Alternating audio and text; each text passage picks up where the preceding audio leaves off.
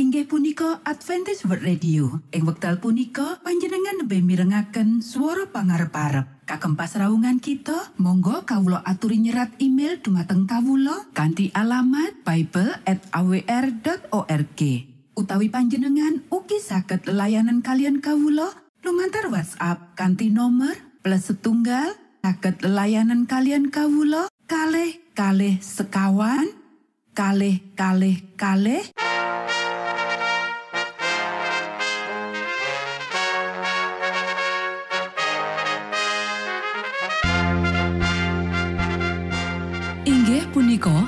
Adventist World Radio ingkang giaran kanti basa Jawi. Tentrem Rahayu kula aturaken kagem para mitra kinasih ing pundi papan lan panggonan. Sugeng pepanggian malih kalian Adventist World Radio. Kandi bingahing manah Kulo badi sesarengan kalian poro mitra kinasi. Lumantar saperangan adicara ingkang sampun rinonci. Mligi kagem panjenengan sami.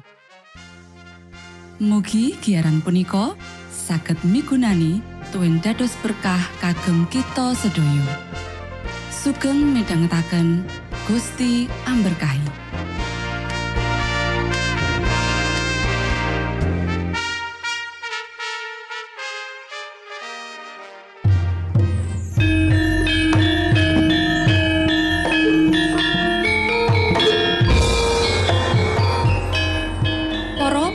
Pamirsa kinasih ing Gusti Yesus Kristus, sugeng pinanggih malih kalian Adventist World Radio.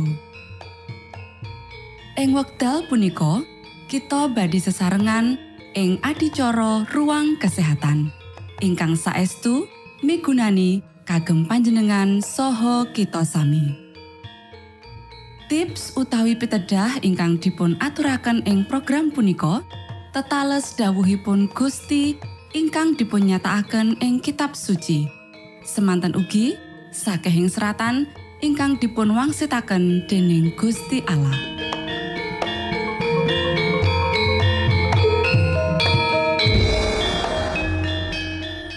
Nanging saderengipun monggo kita sami midhangetaken kidung pujian.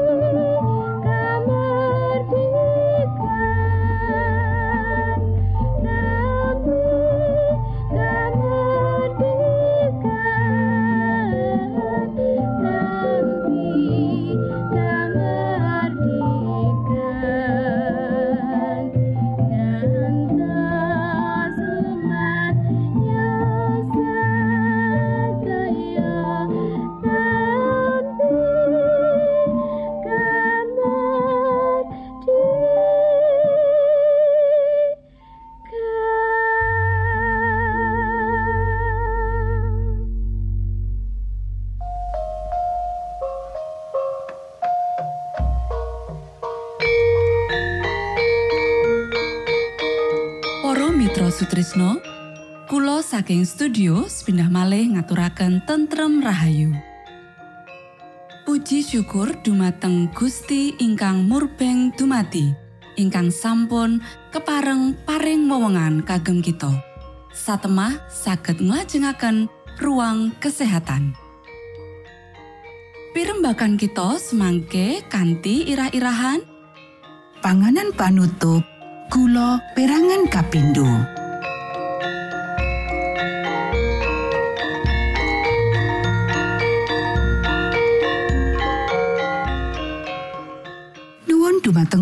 pamiarsa kakangsa putri ingkang dahat ginormatan sugeng pepanggian malih kalian gula Isti Kurnaidi ing adicara ruang kesehatan. Ing dinten punika kanthi irah-irahan panganan panutup gula perangan kapindo. Para sedherek ingkang kinasih, pirang-pirang taun kepungkur aku ngaturake paseksi panguwuh marang para pemimpin kemah. Dheweke nggawa lan ngedol keju lan bahan ngrusak liyane. Padha atul permen nalika aku mbudidaya menehi pitutuh marang wong enom lan tuwa kanggo nglebokake dhuwit panuku permen ing pundi-pundi misionaris. Satemah mulang bocah-bocah nyelaki awake dhewe. Aku wis kaparingan pepadang babagan daharan sing kasedia ing perkemahan kita. Kadangkala dheweke nggawa panganan menyang papan perkemahan. Panganan sing ora cocok karo prinsip reformasi kesehatan. Para sedherek ingkang kinasih, menawa kita arep lumampah jroning pepadang kan diparingake dening Gusti Allah marang kita, mila kita kudu didik jemaah kita nom lan sepuh supaya nyingkirake panganan kang mung maremake nepsu. Anak-anak kita kudu diwulang nyelaki awake dhewe lan nolak barang sing ora perlu kayata permen, permen karet, es krim lan panganan liyane. Carake padha nglebokake dhuwit panyelaan diri ing kas misionaris. Peti kaya iki kutu ana ing saben omah. Kanthi cara iki, jumlah cilik lan gedhe bisa diklumpukake kanggo pakaryane Gusti Allah. Para sedherek ingkang kinasih, ora sedidik jemaah kita sing butuhake pitutuh babagan prinsip reformasi kesehatan. Ono maneka warna permen sing diatekake dening pabrik panganan sehat lan dinyatake ora mbebayani. Nanging aku duwe paseksi kang beda karo wong-wong mau. Ora bener yen iku nyihatake. Ora dianjurake kanggo digunakake. Kita kudu tetep nganggo panganan sing prasaja, sing kalebu woh-wohan, wiji-wijian, lan sayuran, lan kacang-kacangan. Para sedherek ingkang kinasih, Ojo nggawa permen utawa panganan liyane sing lawan cahya reformasi kesehatan menyang perkemahan. Ojo ndelikake godaan nafsu banjur ujar menawa duit sing dipikolai saka tutulan barang kasebut bisa digunakake kanggo nyengkuyung tumindak sing apik. Kabeh godan kuwi kudu ditampik kanthi mantep. Luweh-luweh ngenani maremake awake dhewe. Ojo nganti mbujuk awake dhewe kanggo tumindak sing ora ana gunane kanggo wong liya. Ayo saben kita padha sinau apa tegese dadi misionaris sing nyelaki diri aktif nanging sehat. Kula ing daharan Ellen G. White. Kabeh prasaja nanging sehat amarga mung dicampur jroning kahanan kesusu. Kita ora nyelehake gula ing meja nedha. Saus sing dikarepake ya iku saus apel, dipanggang utawa digodhog, didadekake legi sak perlune sak turungi dicawisake ing meja nedha. Kita tansah nggunakake sedidik susu lan sedidik gula. Kita ora tau nglarang iki kanthi tulisan utawa ing khotbah. Kita percaya bilih kewan bakal nandang akeh leloro lan panganan iki bakal ditinggal. Nanging, wektu durung teka kanggo buang susu lan gula saka meja nedha kita. Matur nuwun Gusti amberkahi.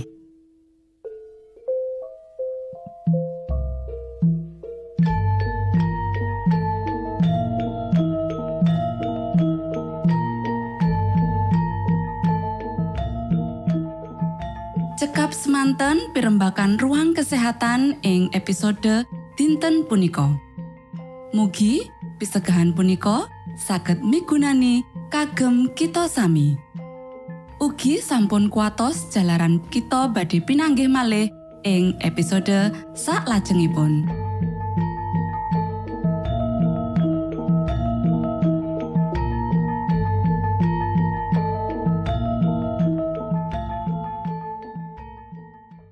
Inggih punika adicara ruang kesehatan. Menawi panjenengan gadah pitakenan utawi ngersakaken katrangan ingkang langkung, Monggo kulo aturi kinton email dateng alamat ejcawr@ gmail.com utawi lumantar WhatsApp kanti nomor 025 pitu 00 songo songo papat 00 pitu.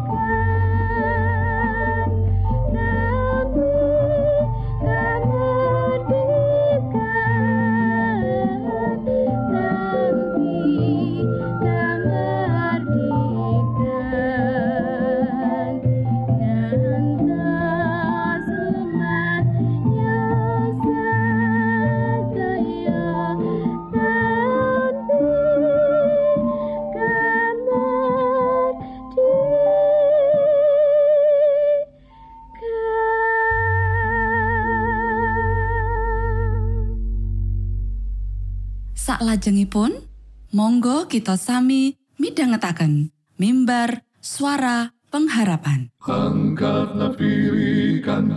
pawarto Sang Kristus paderamu. Pro umat samyo puji asmanyo Sang Kristus paderamu. Inggih punika mimbar suara pengharapan. Ing episode punika kanthi irah-irahan Kuwaos pandonga. sugeng midhangetaken. Minangka tondo Sang Kristus paderamu ilmu kawero tambah lan tambah Sang Kristus paderamu paderamu paderamu Sang Kristus paderamu Shalom. Para pamirsa ingkang kinasih wonten ing Gusti.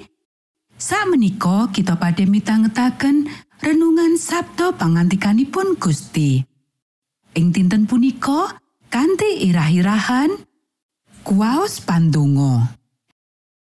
Dawa pangantikanipun Gusti wonten ing kitab Yesaya pasal 6 ayat 3 inggih punika Do Pangeran, mugi kersa maringi katentreman ingkang sejatos dhateng sok sinteno ingkang setya sarta kumandel dumateng patuko. Para sedherek ingkang kinasih, ndedonga dumateng tabib agung nyenyuwun waluyanipun jiwa badhe ngasta berkah saking Gusti Allah. Pandonga nunggilaken kita setunggal lan setunggalipun lan dumateng Gusti Allah. Pandonga ngasta Gusti Yesus dumateng sakiring kita lan maringi kegiatan enggal lan se palimirmo ingkang seger dumateng jiwa ingkang ringkih lan mangro. Kanthi pandonga, tiang sakit sampun kasurung kagem pitados bilih Gusti Allah badhe mirsani piyambakipun kanthi welas asih.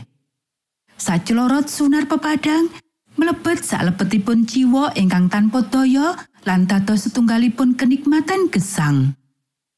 Pandonga sampun ngawonaken kraton-kraton, nedahaken kalersan-kalersan, manggih prasetyo-prasetyo, nutup tutu ing singa-singa, ngaserpaken benteripun latu. Kita badhe mangertosi menapa werdinipun menika menawi kita mirengaken cariyosipun para seto saet ingkang seto ngantepi kapitadosanipun. Ingkang kaaturaken kagem ngusir prajurit-prajurit monco. Para sederek, kita badhe mireng perkawis kemimpangan-kemimpangan menika nalika senopati kawilujengan kita Ratu Swarga ingkang mulya mbikak seratan ing ngarsanipun piyambak-piyambakipun ingkang dumateng piyambak-piyambakipun yukanen nyerat. Piyambak-piyambakipun menika tiang-tiang ingkang luar saking kasangsaran ageng lan sampun nyucikaken jubahipun lan dadosaken pedhak ing salebetipun rah sang cempe. Sang Kristus juru wilujeng kita kagodha salebetipun sedaya perkawis kados dene kita. Namung boten dosa. Panjenenganipun mundut sipatipun menungso.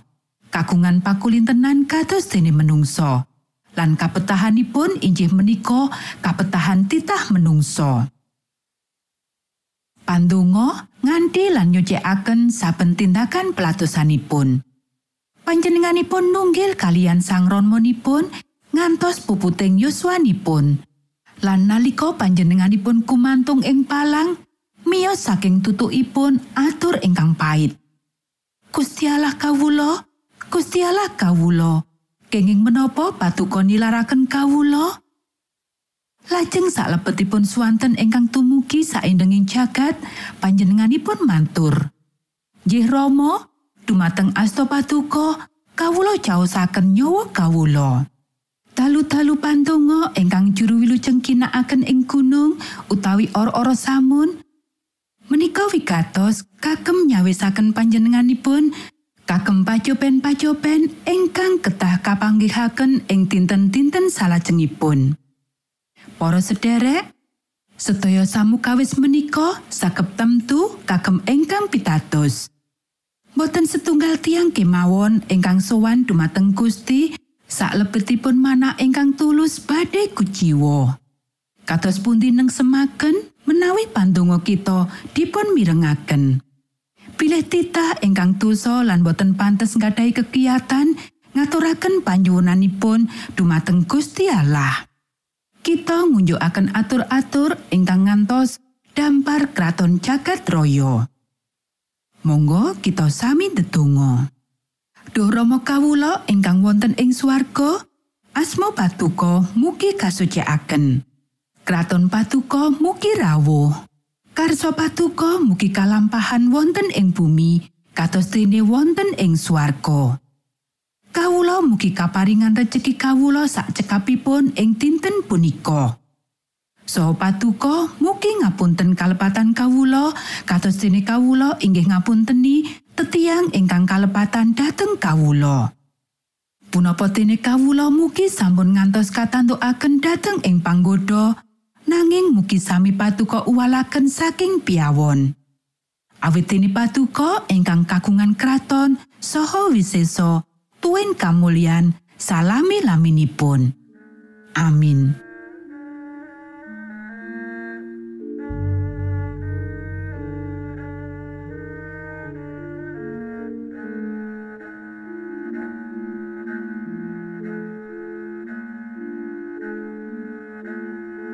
Mitra Sutrisno pamiarsa kinasih ing Gusti Yesus Kristus. Sampun paripurno pasamuan kita ing dinten punika. Inggih awit winatesipun wekdal pramila kita pisah sawetawis. Menawi panjenengan gadah pitakenan utawi ngersakaken seri pelajaran Alkitab suara nubuatan monggo Kulo aturi kinton email dateng alamat ejcawr at gmail.com utawi lumantar WhatsApp kanti nomor 025 pitu 00 songo songo papat 00 pitu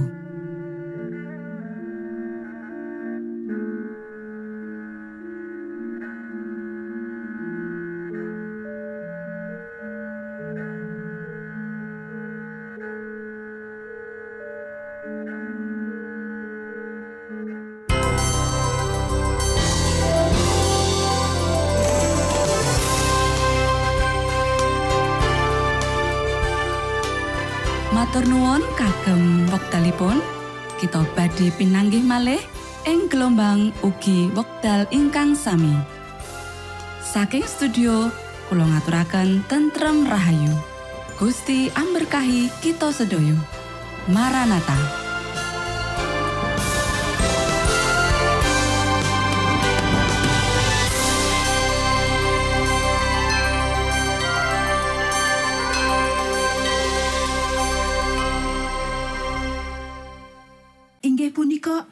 World Radio. Ing wekdal punika panjenengan lebih mirengaken swara pangarep-arep. Kagem pasraungan kita, monggo kawula aturi nyerat email dumateng kawula kanthi alamat bible@awr.org. Utawi panjenengan ugi saged layanan kalian kawula lumantar WhatsApp kanthi nomor plus setunggal saged layanan kalian kawula kalih kalih sekawan kalih kalih kalih